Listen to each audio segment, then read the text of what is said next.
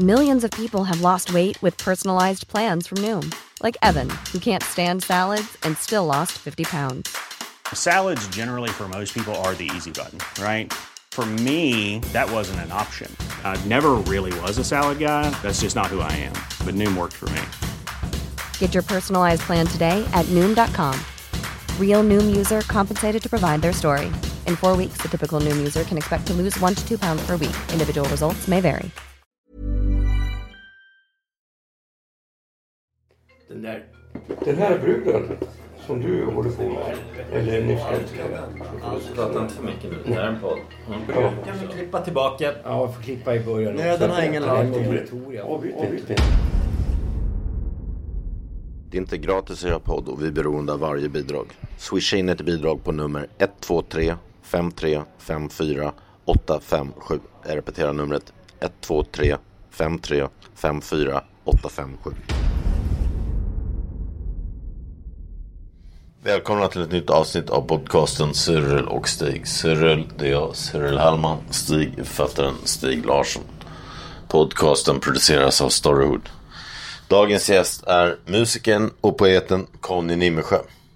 Conny Nimmersjö var i början av 90-talet med och bildade bandet Bob Hund. I år firar de 25 år sedan deras första platta släpptes och 20 år sedan det stora genombrottet med skivan Jag rear ut min själ. Han har också spelat gitarr med Joakim Tåström och eh, gjort filmmusik, diktsamlingar, fanzine och är i höst aktuell med nya bandet KC Baby. Okej, välkomna säger vi till Conny Nimmensjö som är hemma hos mig här på Kungsholmen idag. Ja, tack. tack. Sist vi träffades, första gången för mig, men ni känner varandra. men det var, det var när jag och Stig var på Feministiskt initiativs valvaka. För, så då måste det ha varit fyra år sedan. Jag tror, jag tror att det var i din lägenhet va? Ja, precis. ni hade varit där. Stig har en dold politisk agenda här. Ja, jag försökte ju få dem att eh, rösta på manlig attack då. Eh, Det är ju något som är mycket mer aktuellt idag efter metoo. Men vi har ju då feministiskt initiativ och så har vi manlig attack. Är, är, jag ska dra storyn, riktigt så var. Jag var inbjuden till, till Vänsterpartiets, Miljöpartiets och Feministiskt initiativs så här, privata valvakor. Och sen, sen ringer Stig och frågar om man ska följa med på Feministiskt initiativ. Så Ja. han bara, han bara inte riktigt, är du inte riktigt klok säger han. snarare. Jag bara, bara, men liksom var finns det mest kvinnor? You do the math. Så. Men det, här, ja, men det här var i en lägenhet. ja, precis, precis på Östermalm. Och du vet jag att Cyril somnade där också. Ah, Okej, man får eh, utelämna lite åt fantasin till lyssnarna. Du behöver inte gå in på detaljer. Ja, vad gjorde vi det? Nej men alltså, nej, men alltså jag har ju så... Jag är ju då, jag, jag stödjer ju då feministerna när det gäller sådana saker som att de ska ha lika lön och att det existerar ett strukturellt förtryck mot kvinnor och allt sånt där. Det håller jag verkligen med om. Och jag har också skrivit om det. Och jag har, måste jag säga, haft en ganska bra relation just med feminister. Men var du där också för kompisar till värd- värdinnan eller var du där också eh, av politiska skäl? Eller var du där och... Eh, alltså, jag tror, jag såg, det var...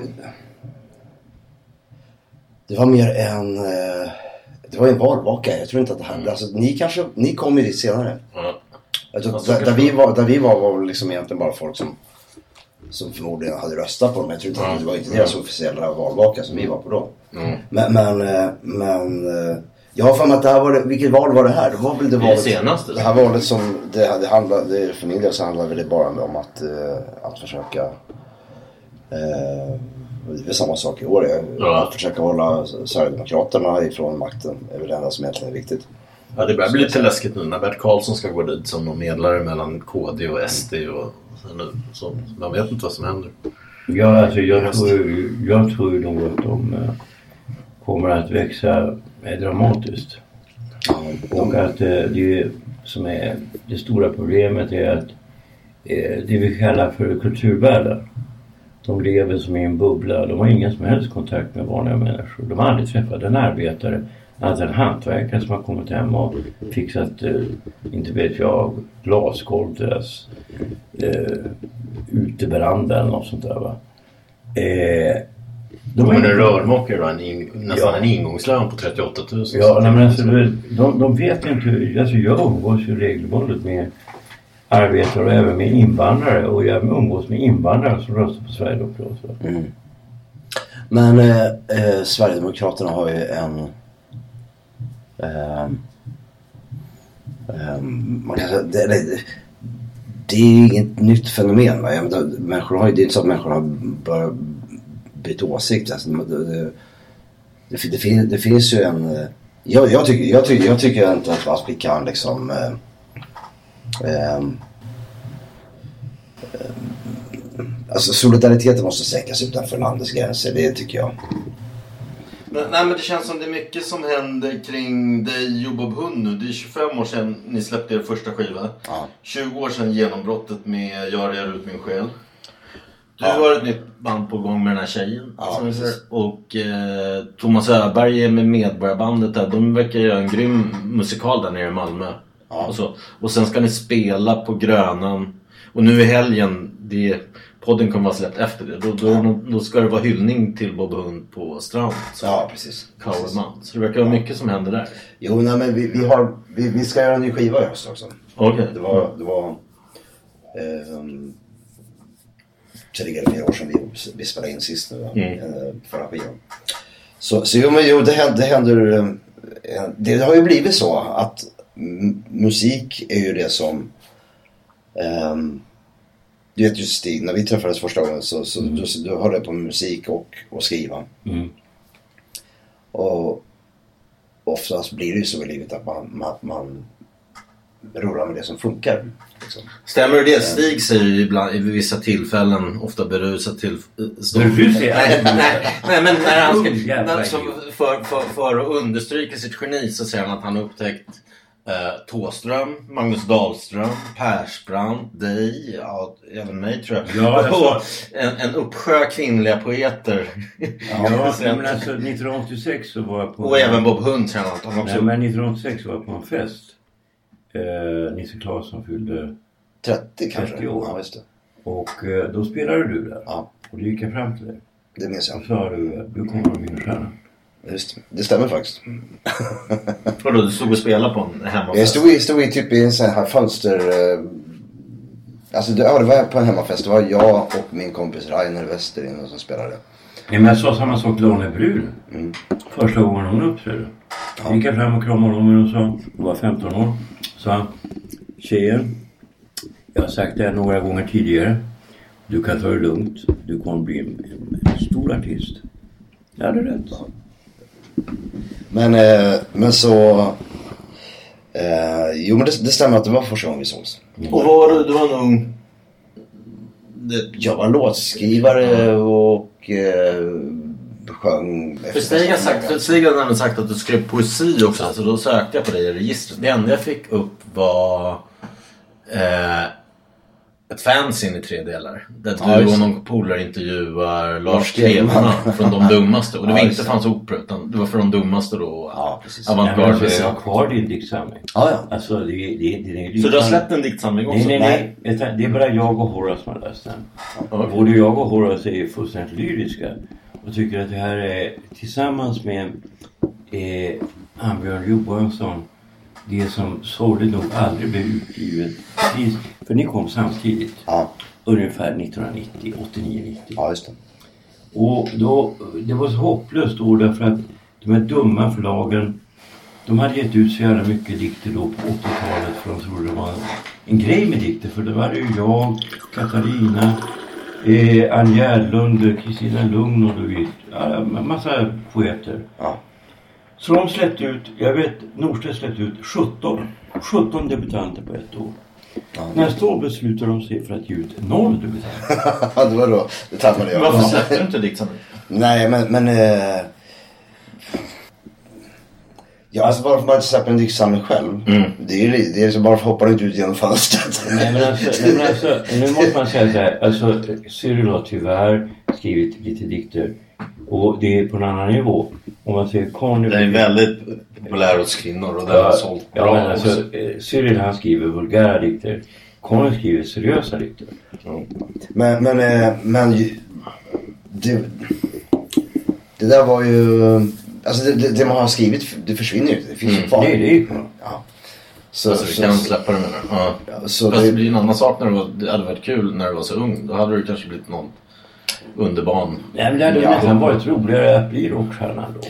jo, men alltså jag, jag, jag har aldrig några dubier runt det där. Men, Men, men i Bob Hund, är- alltså för, för där, det, jag skulle vilja säga om Bob Hund. För där tycker jag ändå liksom att ni, ni bildades 91 va? Omkring. Ja. Eller någon 91.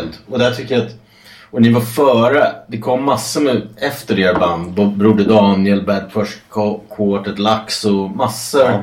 som, som eh, spann vidare på det ni gjorde. Men egentligen tyckte... Sen var ju 90-talet nå, någon period när indie, indie blev mainstream. Jag tycker egentligen det var bara ni och Olle Ljungström som fix, fixade det där avantgardiska riktigt bra på något sätt. Och framförallt i texterna. Men, men det var Thomas Öberg. avantgarde tillsammans i, i samband med någon form Ja men någon eh, form av dadaism, så att det gör bra. Och även musiken också. Att, att det, alltså, som till exempel, till exempel många av mina äldre kompisar, du är några år äldre än mig.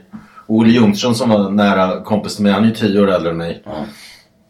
Han, han gillade, han dyrkade ju eh, Talking Heads till exempel. Som jag aldrig liksom har fallit för sådär. Men jag tycker ni har tagit, både ni och Olle tog det bästa från den här new wave-punkens avantgardistiska sida.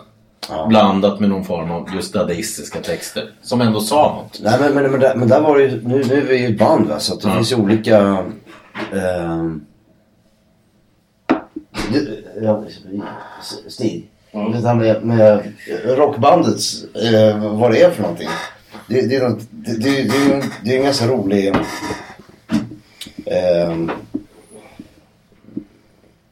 struktur i det. För, för, för du, du har liksom fyra, fem, sex stycken personer. Mm. Och du har ingen ledare oftast. Eller du Nej. har, du, du har, det är total anarki. Det är hela tiden det. Du, du kan ju se på Rolling Stones där att du vet, när den som har bäst idéer är längst fram på skivomslaget. Först så är det, vad heter han som dog här i, i swimmingpoolen? Är- Brian. Ja, ja, Brian James. Han, han, är ju, han är ju stjärnan först där. Alltså, Jo. han är längst fram på de första skivomslagen. Han skrev inte Så- låtar å andra sidan. Jo, han, men, han, han var drivande i bandet. Ja, precis. Mm. Och sen så när han tacklar av, jag tror att det var väl, Ja. han blev väl försvarad in Ja. i. Antagligen mördad. En svensk tjej var med där också. Ja. Men, men, men, men sen sista skivan som han är med på så är han ju inte aktiv. Då ligger han ju bara liksom och typ... Eh, Ja, du tänker på att Godard gjorde en film om det också. Ja, han- han ligger hög i ett Han hörn. bara ligger i ett hörn och är ja. hög. Men, men, men då, då är det som eh, istället eh, Keith Richards som är längst fram på skivomslagen. Och sen efter det så blir det Mick Jagger. Jagger, ja. Mm. Och, och, och, men men det, är- det, är bara, det är bara som en bild av det att, att hur man jobbar. Att det, det är... Det finns... Det är, det är svårt för oss om du ska göra... Om du, om du gör, rätta mig om jag har fel, men om du, om du har teater och alla, Mm. alla... Om du har fri teater och alla får göra vad de vill, det blir inte bra. Nej, det blir inte bra. Nej, men alltså jag upptäckte det. Jag jobbar ju ihop med ett band. Battle of Santiago. Och eh, jag märkte ju på dem, jag kan ju ingenting om musik. Men, Det är en fördel. Ja, men alltså jag märkte då att de hade sådana problem med just det här med demokrati. Mm. Alltså de var överdemokratiska. Ingen kunde bestämma någonting. Nej. Och jag som inte kunde någonting, de kunde ju någonting. Men jag som inte kunde någonting var tvungen att gå in och styra och säga nej men vi tar ner där lite grann, där och så bara med den där. Och det går ju även om du inte kan några noter eller någonting va. Mm. Så går det ändå att snacka sig fram va. Jag körde ju band i tonåren och vi även turnerade så, men då var ju jag mer Men som en behövs, ju, diktator. det behövs ju att det är någon som liksom ser till. Ja, så gör vi och så gör vi och så gör vi. Det är ju mycket lättare så. Nej, men, men, men, men vi, för vår del så är det, är det ju så att oftast är det ju liksom Alltså det, det är den, den som har bäst idé han vinner och den personen lyssnar på han får bestämma. Men- Men, men, ib- ibland är det också en producent som kommer in utifrån och har... har, har Ja men så ska, Men- så ska det ju vara. alltså säger- den som har bäst idéer. Alltså det är ju inte någon prestigegrej. Nej. Är det någon som har bäst. Det är ju samma sak med teater egentligen. Alltså för jag, nu, jag har ju ändå satt upp x antal pjäser. Mm. Och är det så att det är någon, jag vet i, när vi satte upp uh, Arbetarklassens sista hjältar. Så var det faktiskt min regiassistent som kom på ett av de mest komplicerade scenarierna. Mm. Det spelar väl ingen roll att det är han som har kommit på det. Nej. Eh, Alltså, ge mig en idé, bara den är bra va. Men, men det var lustigt att du sa det här med omslag. För ni hade ju Martin Kahn på omslaget. Alltså er art director. Ja, Och sånt där. Hade han något kreativt inflytande? För jag, jag, alltså, alltså, alla- jag- alla att jag kopplade det är för att jag gjorde flera intervjuer med Lou Reed. Mm. Och då frågade jag Reed vad Underworld hade för betydelse för Velvet Underground. Ja. Han hade jättestor betydelse för det han sa var att han gav oss total frihet och sa don't, don't let them come near you, don't slick it up. Liksom, gör precis vad ni vill. Så på det sättet var han viktig men för att han inte la sig i. Det var Ja. hans filosofi med oss. Men, men, men Martin Kahn har ju... Fun, han, har- han är ju... ehm, han har ju fått, omslagen har han ju fått göra väldigt mycket utifrån eget huvud. Va? Sen så har vi tackat ja eller nej till det han har ju kommit upp med. Va? Men han hade ingen inflytande över bandet eller något sånt. Nej, men däremot, däremot, så, däremot så har han en form av en form av humor som, som liksom är som, ta, som, som han och Thomas och Jonas känner ju varandra sedan de var tonåringar. Mm. Så det har ju blivit, det är Men liksom en hur del av... bildades ni egentligen? Eh, 1987 flyttade Thomas och Jonas till Stockholm. Mm. Och det var väl ungefär samtidigt som jag flyttade hit. Södertälje? Ja, jag kom från Södertälje. Så vi träffades första gången på någon bröllop tror jag. Någon kompis till mig som gifte sig. Sen så hamnade vi i samma replokal och sen så var det lite lösa konstellationer. Och, och man, man såg sig på samma ställen. Det var ju mycket det här runt Medborgarplatsen det som fanns. Ja, Ja, Stockholm var ju så litet då. Va? Ja. Eh, ja, man, man, så, så, så, det, det, det blev vi som startade det här bandet och det var ju liksom sex, det, kunde, det var 200 andra människor som höll på att starta band i samma veva som hängde runt på de här rockklubbarna men det, så blev det bara vi. Mm. Men, men vi hade ju en gemensam väldigt stark eh, vilja och det var just det att nu vill vi göra musik. Alltså, det är lite så här pang bom stänga. Alltså, vi, vi vill göra musik som vi gillar, som är Ja. för oss. Vi, vi, det var som i första tiden så, var, så hade vi ju som en idé om att vi aldrig skulle ge ut en skiva, vi skulle ha en spelning. Det här är bara vår musik. Vi, vi ville liksom inte kommunicera. Mm. Eh, och just för att den, i den tiden där runt 1990 så kändes det som att väldigt mycket var, bortsett från den elektroniska musiken som var spännande då. Mm. Eh, alltså eh, rave. Musiken var ju väldigt Ja, ja, spännande då. den kom ju Ja. 89 ungefär. Men, men, men, eh, men, men rockmusiken var ju väldigt så här, arena-aktig och tråkig liksom. Och eh, jag var väldigt långt ifrån Velvet Underground om vi säger så. Mm. Mm. Men, men, men så, så vi hade ju en vilja bara om att, att få eh, att få och som du sa, som du var inne på så var det liksom lite så att vi såg det som att vi fortsatte på den här ehm,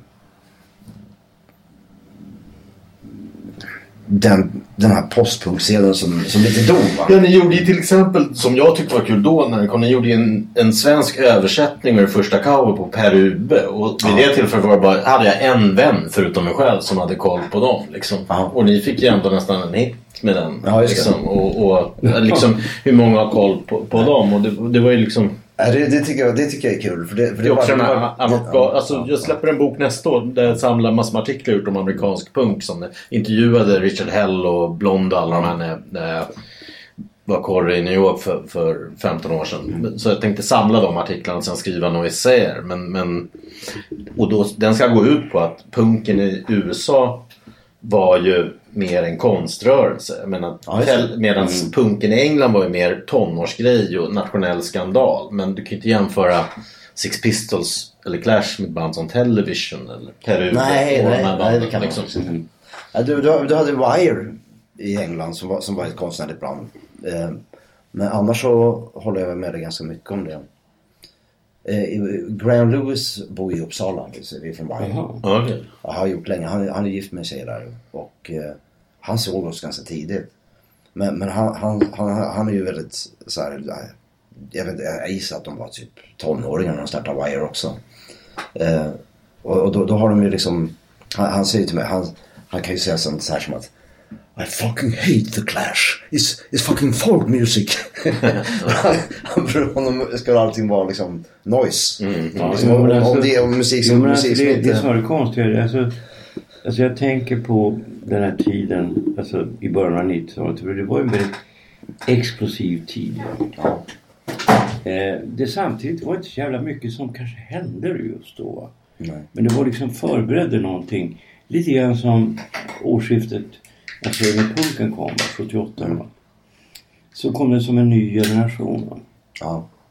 Och alltså, jag, jag har funderat mycket över det där. För den generationen, den hamnade ekonomiskt sett liksom styrdes bort. Mm. Alltså, det var jävlar mig mycket svårare att komma fram på 90-talet än vad det var på 80-talet. Ja. Och jag märker det eftersom jag har följt så många unga författare. Va? Just det. Och, och sett hur, hur svårt de har haft det. Va?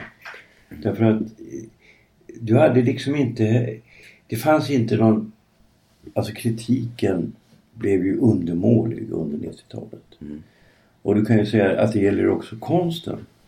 Alltså konstkritiken och konstscenen förföll totalt under 90-talet. Ja. Men, när, men hur var det med... När var, när var de igång med, när ni var igång med kris och så här? Men det är ju 80-talet. Ja men alltså, du ska inte blanda ihop oss i gamla kris Nej. med dem i nya kris. Nej. För de var som Boras så väl uttryckte det. Nej jag ska inte säga det. Jag ska inte avslöja vad han sa. Eh, de var ju annorlunda än vad vi var. De var mer karriäristiska. Och, Du snackar om de här som blev chefer på Moderna och... Ja, typ. Alltså, Mm, mm. de... Alltså, säg så här va. Deras... De var jävlar mig intelligenta och intellektuella. Men någon pejl på konst hade de inte. Ändå var det de som tog över konstlivet. Men du vet, det var så här, jag sa så här till Valle. Valle är ju jävla schysst. Ja, visst. Ja. Jag känner ju Valle och Daniel. Ja, men alltså Valle är en underbar Ja, människa. ja. Och då sa jag till Valle, Valle, vet du vad det var som hände? Så här var det, förstår du. Att ni höll på med, med Heidegger och Husserl och sånt där va. Och det fanns inte en endaste brud. Och ni var ju heterosexuella, eller hur? Ja, det var vi ju heterosexuella. Ja, och så kom ni på det där med konst. Det var ju massa brudar där vet du. Och de hade ju i, de skrek ju efter legitimitet. Svåra texter som inte var rakt av snömos. Och så tänkte du Valle, ja men jag kan ju skriva som inte är snömos och fitta samtidigt. Du är elak du Stig. men det var ju fan sanningen. Men det där med texterna som du sa, om, om när du har gjort en sån begåvad diktsamling och sånt. Var det Thomas Öbergs egna texter eller var, hade du något med texterna också att göra? Eller? Nej, nej, alltså jag, jag har bara skrivit texter till, eh, till mina soloskivor. Eh, Thomas Öberg har skrivit, jag har skrivit, tror jag har skrivit en text till Bobo. Mm. Sen så har jag bidragit med vissa rader här och var. Mm. Eh, men, men, eh, men det har ju... Det blir ju som att... ehm, ehm, nej, det hade blivit trångt alltså med, med två, Mm. två stycken... ehm, två språk där. Thomas skriver helt annorlunda än vad jag gör. Mm. Ha- ha- Thomas, Thomas texter är ju liksom... Thomas är en sån här person som har... ehm, ni vet vissa, vissa, vissa personer har man ju, han, han, är, han är ju, Thomas Sen, jag är ju motsatsen till hans privata jag kan man säga. Mm. Mm. Folk, Men alltså en sak som jag kom på nu. Vänta bara, låt han prata. Folk, folk, brukar ju tro- tro att Thomas är eh, en extrovert person. Mm. Mm. Privat så är han ju liksom Jag är svårt, otroligt försiktig. Eh, och, och, jag är svårt för folk som sjunger på skånska men just det, texterna kompenserar och scenframträdanden och kompenserar. Mm. Så det funkar ju hos er. Ja. Nej men jag kom på nu i denna sekund. Jag minns ju, alltså för den här diktsamlingen som du skrev. Den var som uppdelad i två delar kan man säga. Ja. Där den ena delen var eh, rörde sig åt ett håll kan man säga från Seland och bortåt. Eh, bortanför Norén. Alltså vi snackar nu om väldigt egendomliga texter. Som förmodligen bara jag och Katarina Frostenson och Horace uppskattar. Eh, och så var hälften var väldigt glada texter om sommaren. alltså som var underbara. Och de här, de här sommartexterna de har ju aldrig blivit låtar. Nej. Nej. Varför inte göra det till låtar? Ja, alltså. Det, det, är ju lite det här med. Det där, jag jobbade ju i herrans massa år på att hitta ett, ett språk att sjunga på. Mm. Jag, jag tyckte att jag gav ut min första soloskiva 2006 va. Då var jag 40. Och då hade jag jobbat i 20 år med att hitta ett språk som jag tyckte fungerade att, att sjunga på. För det att, att alltså, skri, dikt och sång är två, det är två Det olika är två uttryck. grejer. Ja. Ja. Och jag provade ju naturligtvis massa gånger att... att men, men att, att sjunga de här di- dikterna, det blev ju liksom... Eh, de, är- de, är, de är ju så fragmentariska så att det, det blir nästan obegripligt när man sjunger dem. Det var så jag upplevde det i alla fall. I alla fall hade jag inte då någon röst Ja. som jag kunde leverera dem med. Men det kanske kommer. Testa. Det kanske kommer. Testa! Det kanske blir nästa sommars stora hit som alla nynnar på. En sak till som jag skulle vilja fråga om musik eftersom jag är så intresserad av Jag ska musik. bara hämta en cigg. Ja, ja, ja, nu ta här bara. Jag- jag- jag Ja. Ja. Eftersom jag är så intresserad av musik. Du, du har ju också gjort filmmusik till exempel. Eh, nu var jag tvungen att tänka efter, men det har jag va? Ja. Ja. Jag kommer inte ihåg vilken film, men, men Tystnaden eller något sånt. Eh, ja, ja, just det, precis. Ja. Men, men det känns ju... Och, men sen har du också spelat, du har spelat med Thåström också. Ja. Är, är det så att liksom... Alltså, alltså jag, bara, jag bara funderade på det idag. Att, att Thåström efter typ början med Ebba, behöver han gitarrister som dig, Streeter Rörj och Pelle Osler och backa upp han med någon, någon kom, som är med från med konstnärligt avantgardistiskt håll och backa upp honom? Nej, alltså jag, jag skulle säga att han, han, han, ser sig själv som sångare Ja. eh, i första hand. Men jag tycker att han är en helt makalös gitarrist. Ja. Eh, och eh, jag tycker nog inte att han behöver egentligen någon. Men däremot så är det svårt att göra allting. Det är svårt att vara one man band och göra allting själv. Va? Jag tror att han vill. Jag tror att, och jag tycker själv oftast att det är roligast att se en sångare som inte håller i en, i en, i en gitarr på scenen. Ja, det blir något sätt att gömma sig. det, det, det blir alltid så att... Han föredrar ju någon som är ingen, Ja, eller men, Mick Jagger. ja, men, men du vet, om, om du är liksom, om du inte har någon, om du bara har mixstativet att hålla i. Det är en, det är en väldigt utsatt Ja, det är position. väldigt utsatt. Och eh, det är den som man ska söka tycker jag. som Ja, det tycker jag. Ja. Precis av samma anledning som att det är svenska band som, där, där pratar jag alltid om att eh, svenska band som sjunger på engelska eller på svenska va, så är det ju så att det är ytterst få. Jag menar, om du spelar någon slags partymusik va, då vi vill inte höra den på svenska. Det, det, det, det är liksom, sången ska bara vara en slags eh, mm. och det låter bara på engelska. Men, men vill du liksom åt konst äkta känslor så kan du inte göra det på, på ett annat språk. Det blir ju, det, det, jag kan ju inte skriva en låt som handlar om en släkting som dör och göra det på ett annat språk. Det, det, det, funkar ju inte va. Nej, det är väl bara Nabokov som har klarat att hantera så här många språk. Nej, men alltså, Ja. jag kom, Men, men, men, jag men vänta, jag ska bara, vänta, jag ska bara fråga en Ingrid. Men, men blir det då också mellan er tre att ni, eftersom Thåström är en sån stor och dominerande maktfaktor i svensk musikliv sedan liksom 70-talet. Blir det också att ni tre blir konkurrenter då om att få jobba med Thåström? Nej, nej, nej, det funkar inte så. Eller är ni vänner? Ja, vi, vi, alltså man, man blir ju kompisar med dem man jobbar, spelar Men så är det, så är det med författare också. Ja, Alltså alla som är bra blir ju polare med varandra. ja. Alltså det är ju liksom Det skulle ju vara så jävla konstigt om det inte vore så. Och en gång i tiden var det faktiskt så att det var likadant med framförallt då, eh, jag skulle säga även dans men eh, framförallt konst. Att man höll ihop. Ja. Att man träffades. Och det där splittrades på 90-talet. Men på 80-talet var det så att man, man hängde i gäng på ungefär samma klubbar och träffade konstnärer och alltså jag träffade ju Max Bok eh, alltså innan han hade, det liksom, hade haft en utställning överhuvudtaget. Och eh, vi gjorde grejer ihop och, och, och det var inget konstigt med det utan vi arbetade med olika former, olika konstnärliga uttrycksformer. Va? Ja. Men, men alltså att det skulle vara någon form av... Men sen sabbade så jävla mycket av den intellektualism som drabbade oss på 90-talet. Där allting skulle vara så jävla teoretiskt. ja, men det var, en, det var en tung ålder. Ja, och det förstörde så fruktansvärt mycket. Och det, egentligen så tror jag igen, jag skulle vilja säga att det är först nu, de sista fem åren, som jag tycker att jag börjar komma tillbaka. Va? Den, den väldigt unga generationen har ju ingen connection med det här. Va? Nej. Och jag känner ju många som är, vet, jag umgås ju med alla typer av åldrar. Eh, Så de som är 25-årsåldern och så. De, de vet ju ingenting om det här. Va? Nej.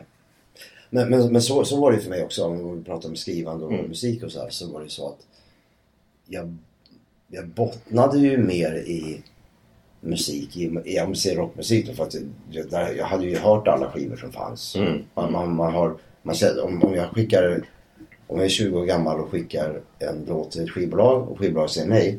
Då blir jag ju förbannad och säger Mm. du är dum i huvudet. Mm. Men, men som, som poet och 20 år gammal så är man ju inte lika stursk. Då jag, jag visste ju om att jag inte hade läst så mycket. Liksom, att, att andra visste mer än vad jag gjorde. Just därför kan det bli bättre andra och, men, men, ja, Precis, det har ingenting med kvaliteten att göra. Men, men, men däremot då, när man får nej av en förläggare så är det lättare att känna att nej, det kanske inte är så bra. Mm. Du vet, i, Mm.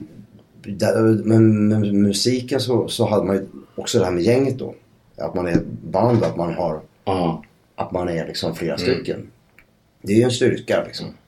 Fast det är ju lite också som eh, John Lennon hade ju alltid komplex mot Mick Jagger. För John Lennon ville egentligen bli... Han ville egentligen vara en rockstar.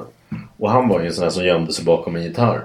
Han ville vara den där scendoktören som, som, som Mick Jagger. Så när han gick solo då började han ju genast, eh, eller när han var 40 där mot slutet innan han dog. Det var därför Mick Jagger höll på, och, och Mick Jagger tog åt sig så mycket så att han höll på att splittra Stones. För det sista John Lennon, hans sista intervju där, Rolling Stone innan han blev mördad var så här typ Varför håller Mick Jagger sig med ett band? Gäng håller man sig till i tonåren. Han är inte vuxen, han är inte man nog. Och, Mick Jagger tog åt sig så mycket så han gjorde två värdelösa soloskivor. Och, och det höll på att splittra hela Stones. Han klarade sig inte utan dig Liksom. om... Alltså du vet det här bandet Refused från Umeå. Ja. Jag läser ju... Vi har, du är vår tredje musiker. Vi har bara haft Ja. tre på Refused här tidigare. Eh, ja eh, Refuse från Umeå. Ja. ja. Och jag läser då den här boken om dem och jag blev så jävla rörd därför jag har ju träffat dem och lärt känna dem och Ja. eh, de är ju liksom de liknade eh, om jag nu, det låter kanske skrytsamt men alltså de liknade oss så jävla mycket att de gav allt. Ja. De sket fullständigt i om det skulle bära, bär eller brist. Mm. Alltså vi går in för det helt. De gick ju inte ens ut nian. Nej. Och eh, alltså eh, nu när jag lärt känna de här killarna lite grann. Alltså bortsett från att jag skulle aldrig kunna vara med i det gänget för de var ju veganer. alltså jag kan ju inte äta grönsaker. Ja, det kan vara nyttigt för Nej men alltså jag, jag, jag skulle ju dö av svält. Eh, och, och inte dricka sprit och röka cigaretter. Proteiner i bönor. Ja, usch usch. Nej men alltså. Eh, nej men de var ju, de hade ju den drivkraften som som man bara kunde ha på något sätt om man kom ifrån lite ut, utifrån. Mhm. Nej men det, alltså, det är ju också om man pratar amerikansk punk. Det är ju sånt som liksom Ramones, varför var de så grymma? Det var ju för att det var som ett gäng som bara går in och våldgästar en scen. Ja men de, men de hade ju också så... ehm, Och som var som en liten armé. ja men de, men de kom ju också från ingenstans. Ja. De, de, eh, ehm, men men, men, men mycket, mycket så är det ju liksom att ehm, i, i ehm,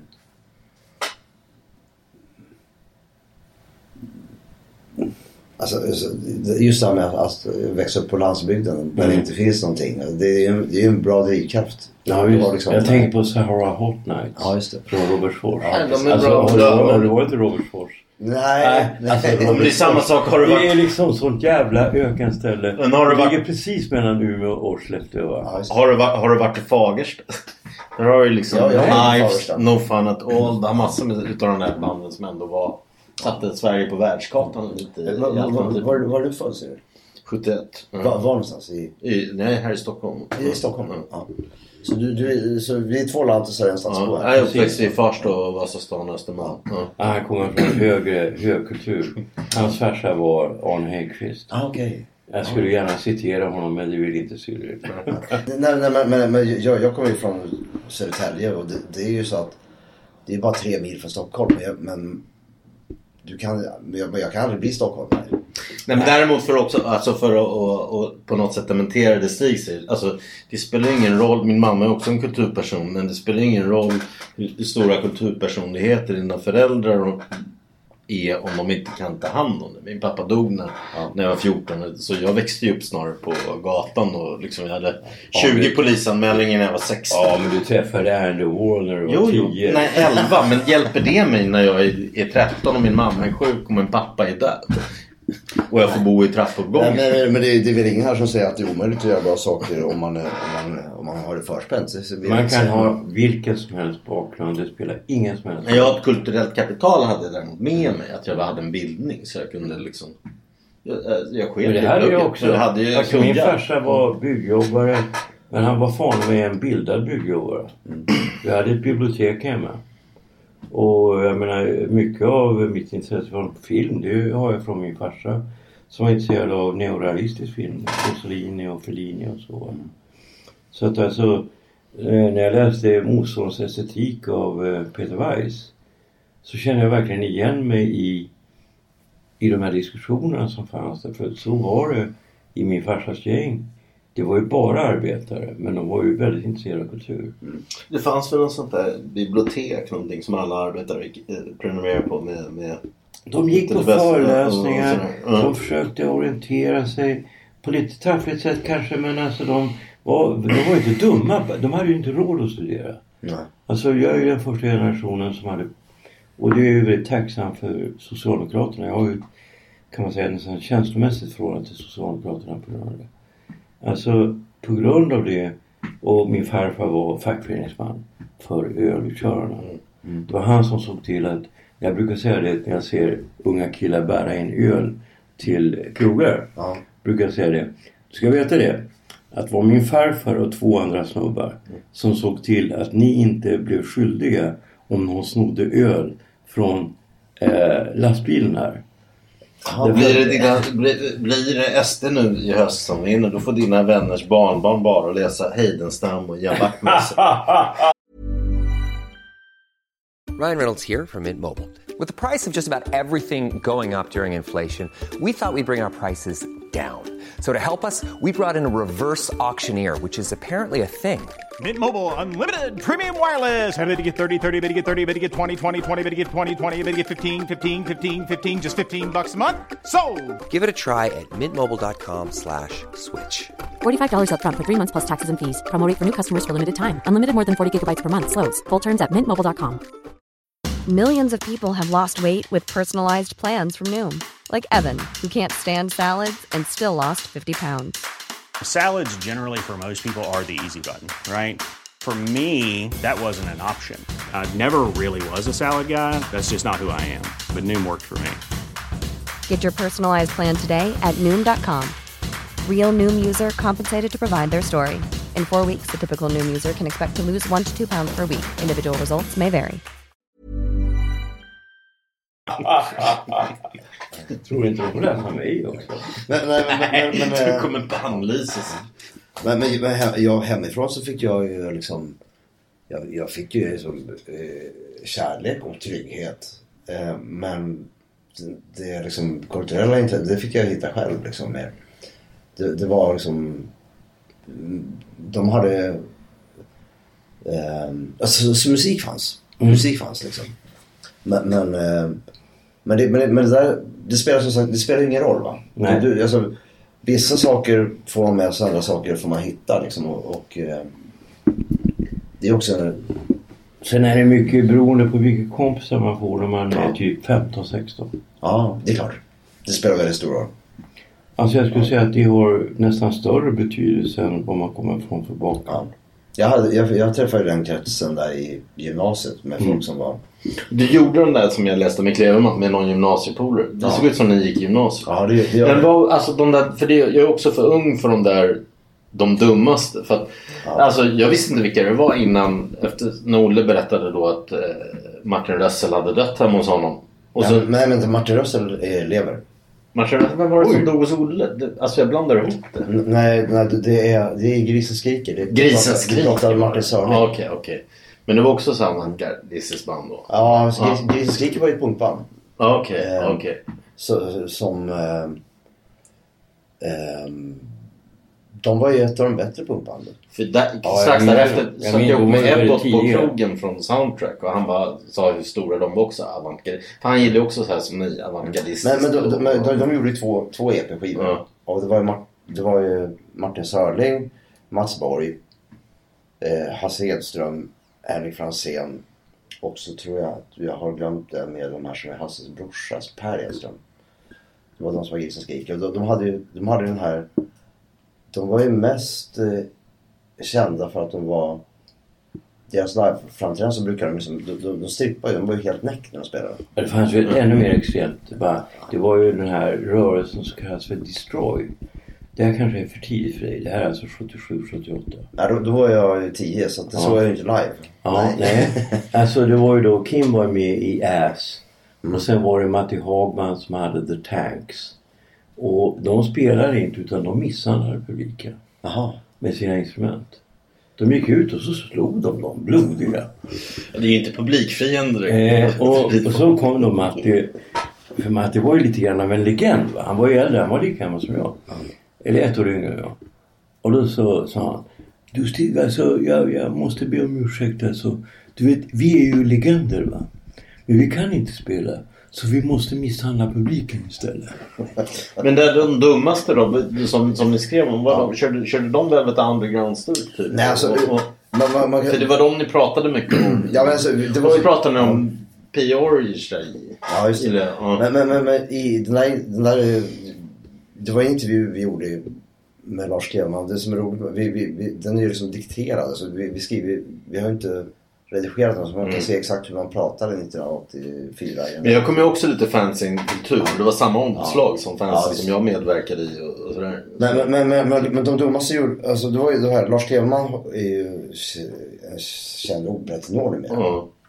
Eh, Och han, han har alltid haft det här med operan och sen så har han haft det här, alltså, ett, ett, alltså de, de gör ju en låt som är fruktansvärt bra fortfarande som heter Sams son. Eh, som är liksom den är, första industrisyntlåten i Sverige. Ja.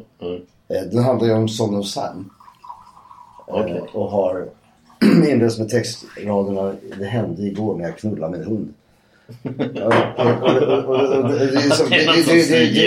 Han kanske skrev, Ja. han kanske spökst Men- men det- skrev strofen. Men, men så här, och det, här, det här är ju då liksom eh, det är ur Son of Sams perspektiv naturligtvis. Ja. Och den, blev, den blev ju anmäld i, i radionämnden. Där, för du vet, folk körde över vägen. Det var ju som spelade en ny nivå. Ja, ja.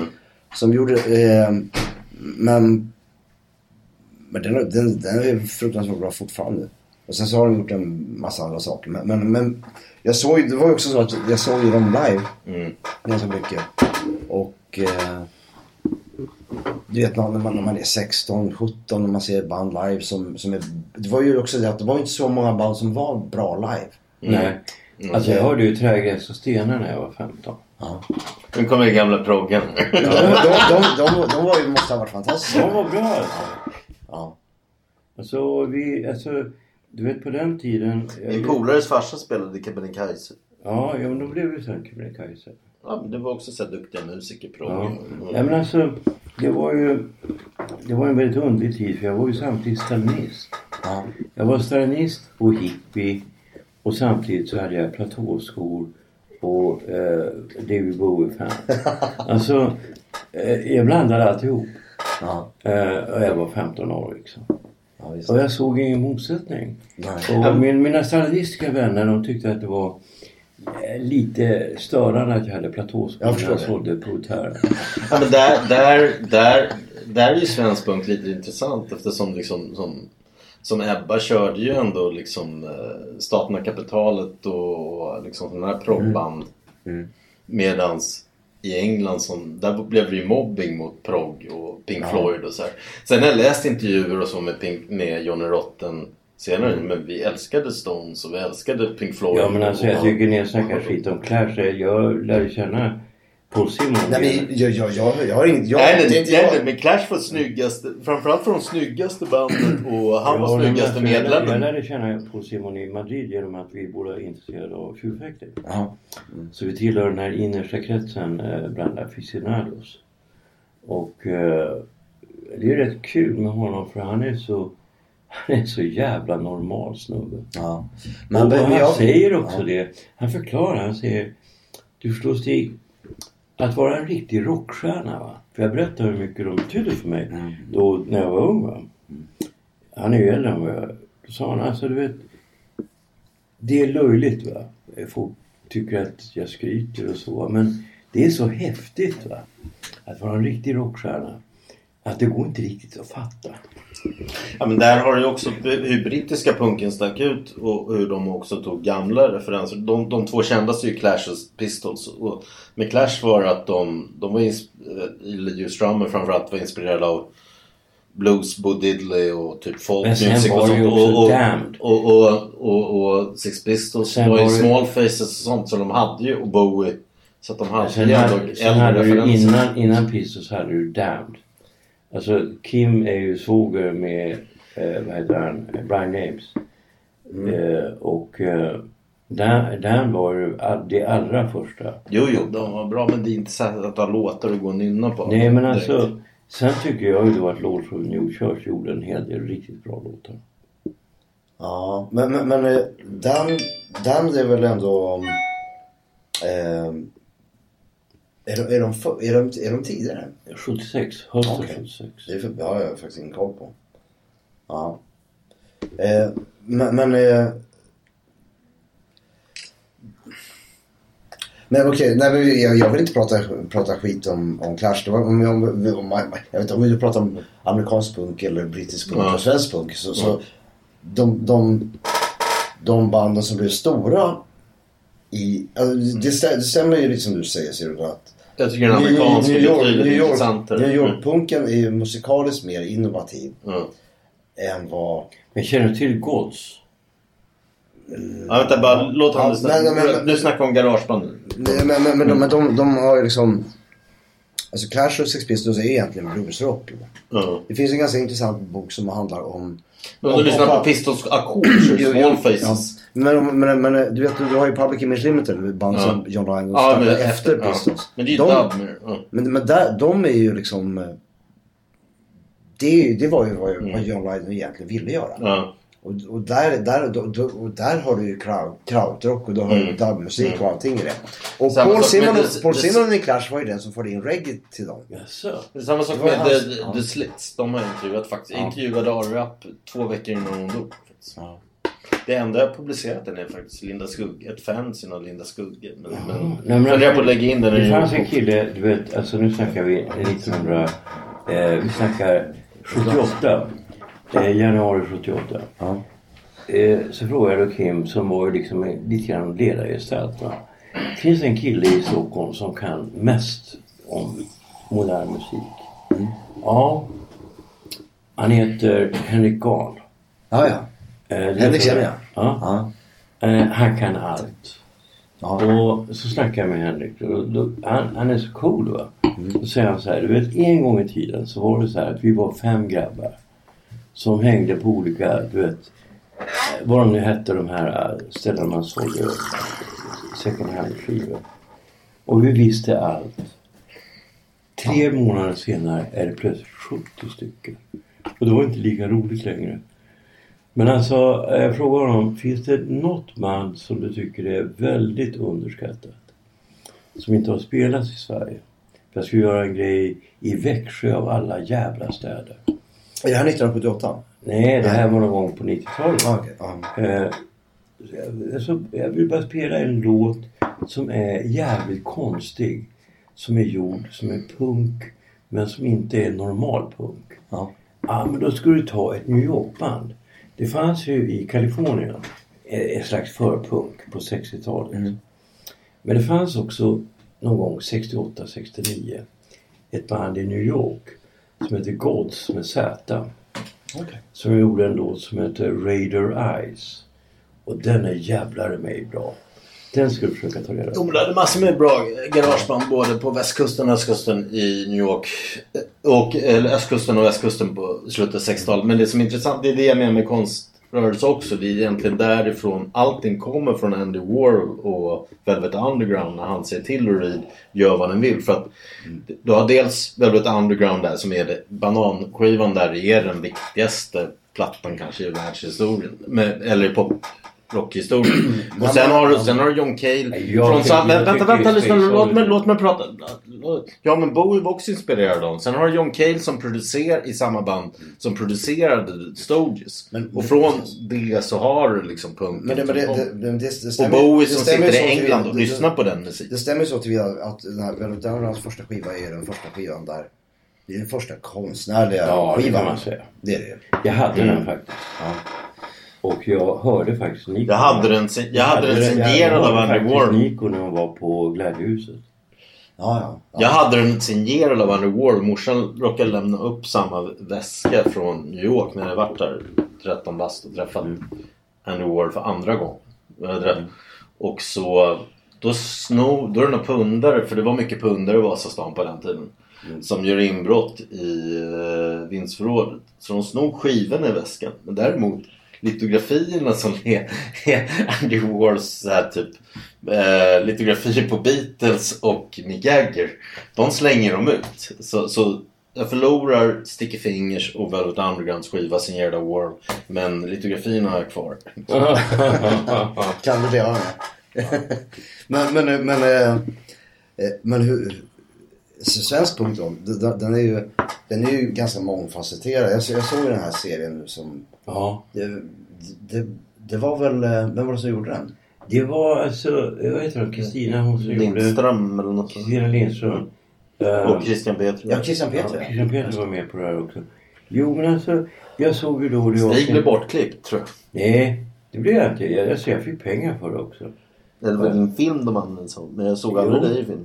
Nej men det behövs inte. Jag är inte så jävla egocentrisk. Det var du som inbillade dig.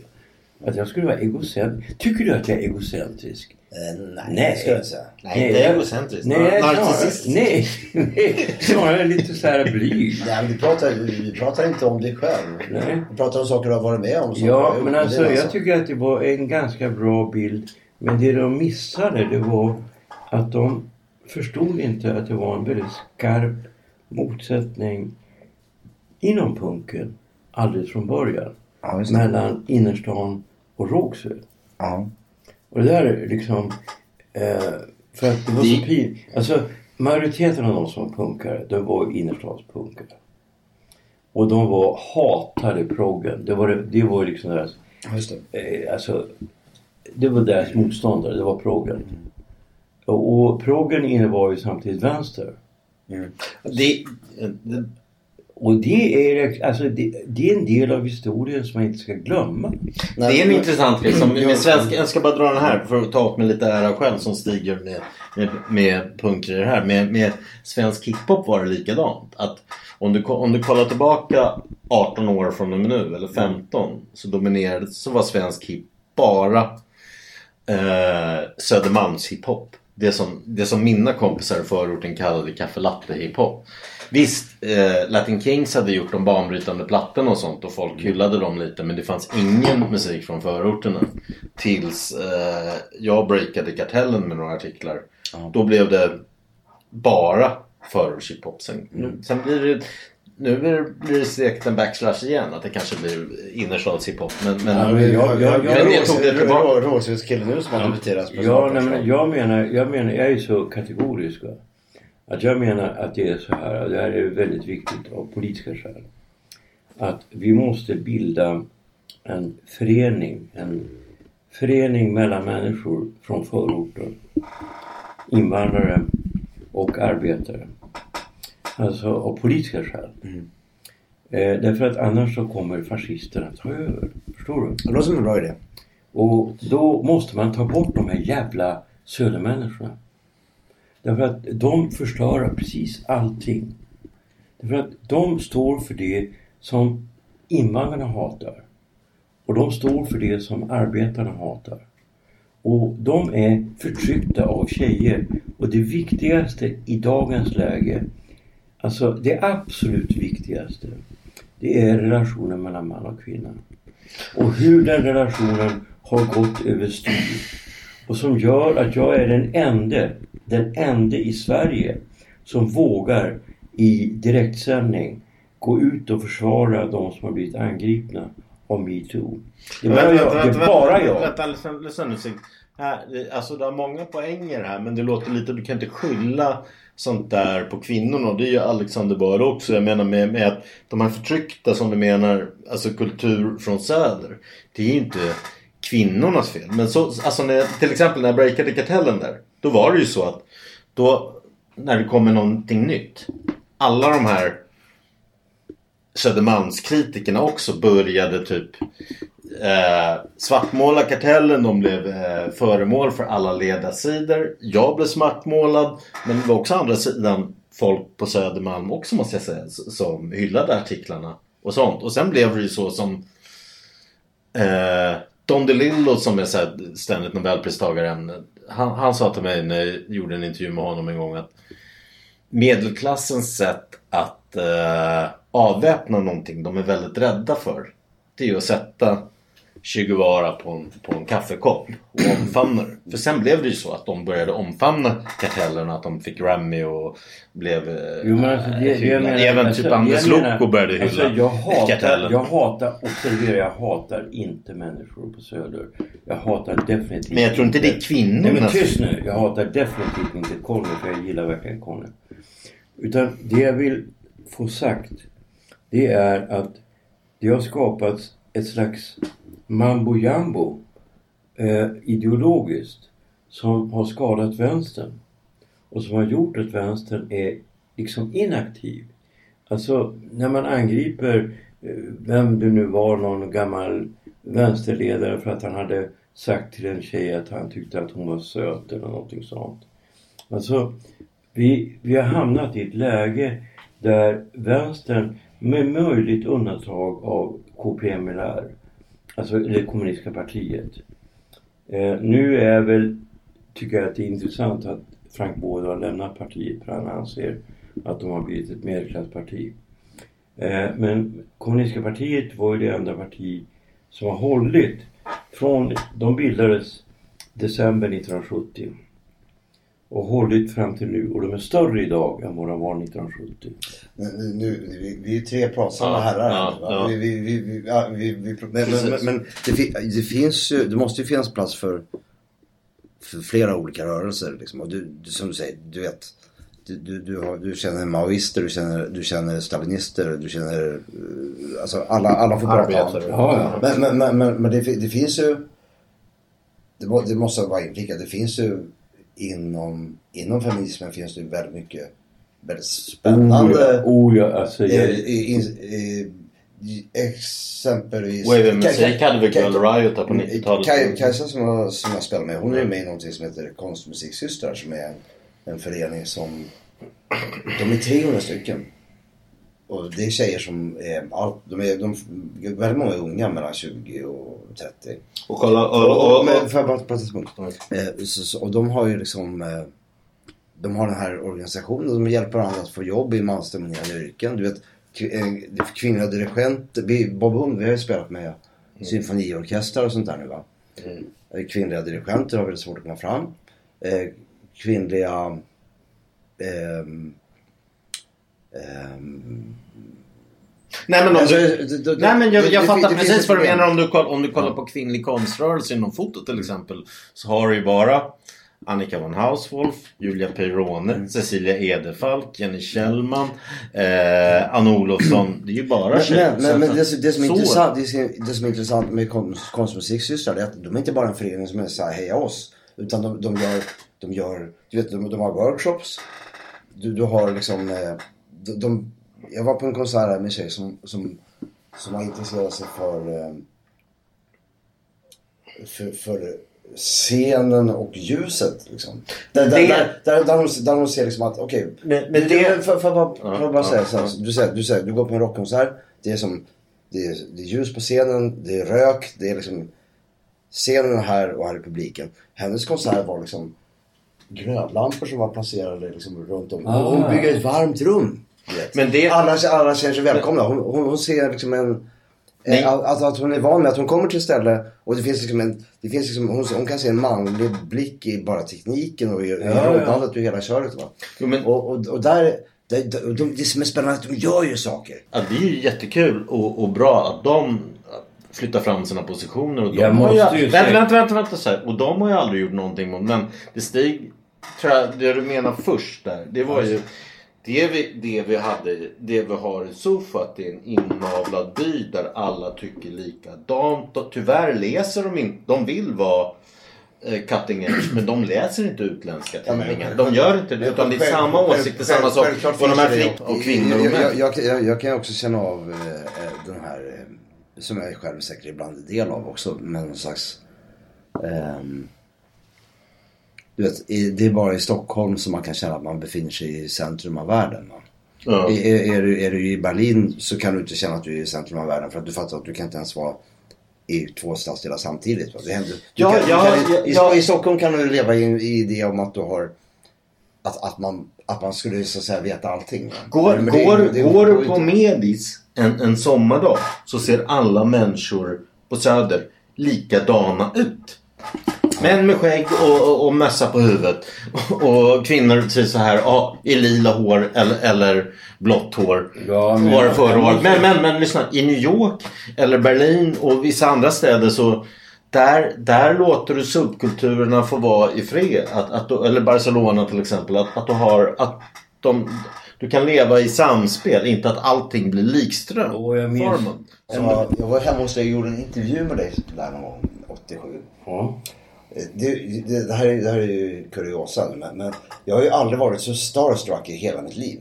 Jag, jag, jag har ju träffat Joe Strummer och killar i New Order och jag har träffat Ja. ja. spelat med Thåström och grejer. Men jag har Ja. aldrig varit så... Och Blur har spelat med också. Ja, men jag har aldrig varit så starstruck som när jag träffade Stig. Alltså jag som var så, jag som var så eh, anspråkslös. ja, men, du hade, du, men jag, jag hade ju läst eh, din diktsamling, eh, jag tror att det var den tredje. Okej. Eh, eh, deras ordning. Ja, exakt. Och, eh, och, och jag var hemma i din lägenhet och eh, jag intervjuade, jag minns att jag stammade en scen. Jag spe, jag spe, jag, det var en intervju som jag sen skulle eh, skriva ner. Va? Men, men, men, men det var, men, men det var, att, att, att träffa dig då Stig var, var ju liksom i, i, I mitt liv så har du haft en väldigt stor roll. Jo men alltså jag har ju förstått det långt, långt, långt, långt senare. Men det lustiga är ju att jag förstod det aldrig då. Nej, du, ser, du dömer inte människor. Nej men alltså jag var ju precis som alltså vem som helst. Och det enda som hände då på 80-talet det var att jag kunde vara med dramatiskt snyggare tjejer. Jo, men, men, men du hade också, eh, du, du, var, du var ju otroligt briljant. Ja, jo, det var du, du, du, du, du, hade- du hade också en... Och det är alltid uppskattat med det att du är alltid genuint intresserad av andra människor. Jo, nej men alltså det har jag från min släkt. Har du sett den här dokumentären om mig? Ja. Eh, för jag tycker det ger en bra bild. Mina kusiner, alla är ju tjejer. Jag är den enda killen. Mm. Och eh, de är ju likadana som jag, fast de är tjejer. Eh, alltså de är jävligt offensiva. Men, men, du, men du, du vet att vi, när, vi, när, Du skulle när, vilja när vi att träffade... de styrde Södermalm? eller? Men, men du, du, du, du, räddade ju mig faktiskt från... eh, Jag, jag minns... Du, du berättade för mig 1987 eller 88 att eh, varför jag skulle hålla mig borta ifrån eh, amfetamin. Mm. Du berättade om, om eh, psykiska och fysiska... Alltså du skällde ut mig Ja. för hur jag levde. Alltså jag, jag hade inte... Jag, var, jag höll aldrig på. Mm. Men jag hade testat grejer. Och vi pratade om det på krogen. Och Stig läxade upp mig. Och, och förklarade det här med att det här kommer påverka ditt känsloliv under lång tid framöver. Du måste bli av. Det låter som, eh, jag gjorde en intervju med Sonny Rollins. Han berättade, när han berättade för Charlie Parker att han hade börjat med hårs, eller provat hårs. Så fick han en utskällning. Ja, varför men- han men inte ska göra Ja, ja, men, ja, men, ja, men, men, men, men, jag lyssnade ju på dig. Du, du, du, du, du, Ja, men alltså det är jag väldigt glad över därför att alltså jag måste ju säga att amfetamin har haft en enormt stor inverkan på mig positivt och negativt. Ja. Känslomässigt väldigt negativt. Eh, konstnärligt delvis framförallt i början positivt. Eh, och jag kan liksom inte, det vore hyckleri, jag hatar hyckleri. Att säga att det är bara någonting negativt. Nej, det, det är inte bara någonting negativt. Men som människa, som levande människa, som en Guds varelse så finns det få saker eh, som förstör människor så mycket som absolut. Ja, visst. Men, Men, rent, rent konstnärligt så är det ju bara att konstatera att när Bowie var helt väck, satt med fördragna tapeter i Beverly Hills och målade svastika på väggarna. Så gjorde han åtmin- sin bästa platta, Station to Station. Jo, ja, och Bob Dylan hade, det, det, det, det, men, gjorde ja. på sitt 60-tal amfetamin. Men, Men, men, men Stig, Stig, alltså, jag, jag, jag har ju haft... Men alltså man kan inte säga så här. Okej, alltså jag, jag insåg när jag var väldigt, väldigt, väldigt ung. Kanske 12 år, 13 år. Att jag hade en särskild gåva. För jag blev väldigt upphaussad som barn. Redan när jag var nio. Va? Och, och jag förstod att jag har en särskild gåva. Och jag var väldigt populär bland alla. Va? Även de tuffa killarna. Va? De gillade mig för att de tyckte att jag hade någonting. Va? Och, och, och det gjorde att jag ansåg att eftersom jag var kristen. Så då ansåg jag att jag, jag har liksom en, en, en skyldighet. Att även om det går ut över mitt liv, även om jag dör. Så måste jag göra det som jag anser vara bäst för min konstart. Och när jag förklarade det för min mamma, jag sa ju det. Du måste förstå mamma, jag var medveten om, om att jag kunde dö. Jag var nära att dö flera gånger. Men jag var beredd att dö. Precis som en soldat som går ut, som reser sig upp från skyttegraven, är beredd att dö. Så var jag beredd att dö. Och då säger min mamma som är, hon var en fantastisk människa. Då säger hon, det är hårt som mamma att höra dessa ord. Men jag förstår det fullständigt. Och jag kan inte bedöma det här. För jag har aldrig tagit den här drogen. Nej. Jag, trä, jag träffade dina föräldrar vid ett tillfälle. Ja, de var ju fantastiska. Ja, ja. Men, men, men, men, det, det, det jag vill säga här det är ju inte liksom att... eh, Det, det, alltså, det, det är ju inte så att... Men, men, vi, Nej, men jag tror man, man- en sån där grej som, som Stig säger och som, jag, säger- och som när jag nämner Boos bästa platta. att Man kan köra ett tag men, men dels så, så tar det ju över. Så att, eller dels måste du tänka på dig själv som person. Men, och sen funkar det ju inte som människa att gå på en drog i Nej, längden. Eller som konstnär heller. Att Men- du, men- du blir men- men- men- men- dig. Du tappar ju ett omdöme. Men, men det, jag, det jag vill säga det är ju att jag, jag, vill- jag, jag, jag vill säga tack till Stig för att Ja. du, du har... Bortsett från att du guidade mig när jag skrev dikter. Bortsett från att vi, att vi umgicks som kompisar då. så, så, nu har vi, sen så är det ju så som Stockholm är att man lätt tappar kontakten med människor för att man inte är i samma arbetsrum. Men, men, men, men, vi- men, men, men, men, men, du, men du, du hade ett stort inflytande på mitt liv och jag är, ta, jag är tacksam för att du varnar mig för, för vissa saker. Ja, men alltså det som jag tycker, jag skrev ju den här boken det känns att det håller på att ta slut. Ja. Och en av de viktigaste sakerna i den boken som jag tror att de flesta kanske inte tänker på. Det är att alla som jag handlar av, alltså langare, varnar för det. Alltså de säger, du får aldrig skjuta. Därför att då förstör du det. Alltså i princip alla langare skjuter. va. Alltså langare är fattiga människor som lever på alltså SOS-nivå. va. De vill inte dra ner dig i det där. De vill inte dra ner mig och de vill skydda mig. Va? Och det var även så att den jag handlade av på 90-talet när jag använde det som mest så var jag ganska dåligt skick. Och då så kom jag upp till honom och då sa han Nej Stig, nu är du för dåligt skick. Du får handla den här gången. Men nästa gång du kommer hem till mig så måste du ha ätit upp det lite grann. Och du måste ha joggat lite grann. För jag vill inte vara ansvarig för din död. Alltså, det här handlar inte om onda människor. Va? Nej, nej. Det här handlar om människor som själva är slavar under drogen och som försöker upprätthålla någon form av liv. Men, men, men, men det, det, det, det här kanske som är essentiellt. Att, eh, är man en sund människa så gör man inte skillnad mellan slott och koja. man, man, man ser alla människor för vem de är. Liksom. Det, det, det, jag vet inte, är det, är det en kristen blick? Nej, det är inte en kristen blick. Jag är kristen. Men med min kristendom har ingenting att göra liksom med mitt liv. Ja. Men för, för min del var det så, jag växte upp i en kristen familj. Och eh, det jag lärde mig vid barnsben var ju att det inte är skillnad på någon människa. Eh, du, du har liksom, eh, alla var alltid välkomna i, mitt, i vårt hus. Ja, ja. Vi, vi, vi, hade, vi hade människor som kunde ha mycket tvivelaktigt förflutet men de, de var alltid välkomna liksom.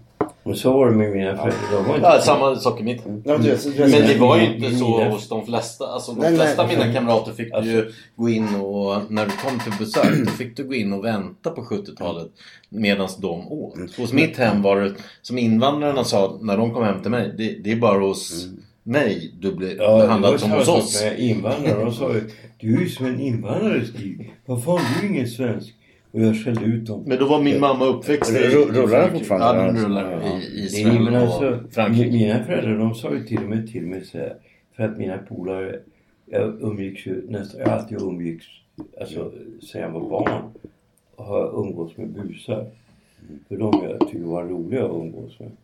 Och, och Inte de, längre, nu har du träffat mig. Ja, ja. Men, men de eh, sniffade ju in i, i mitt pojkrum. Ja. Och då luktade ju tin där. Och då sa farsan till mig. Ja, nu är det så här va att vi i, har ju räknat ut att du är inte så jävla korkad att du sniffar tinner eller solution. För så dum kan du inte vara. För då sabbar du hjärnan. Men däremot är vi lite bekymrade över det här med hasch.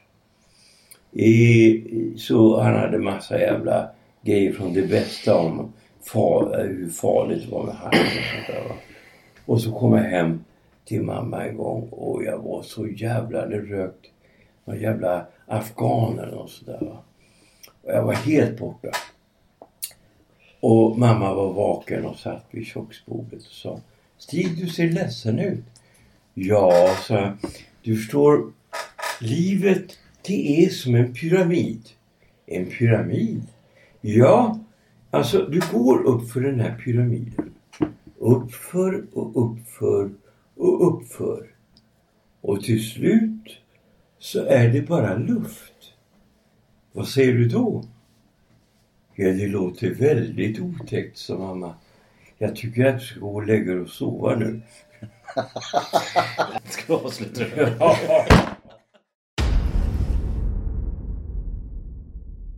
Det är inte gratis att göra podd och vi är beroende av varje bidrag.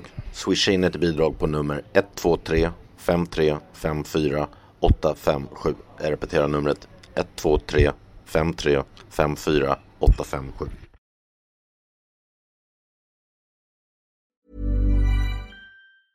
Even when we're on a budget, we still deserve nice things.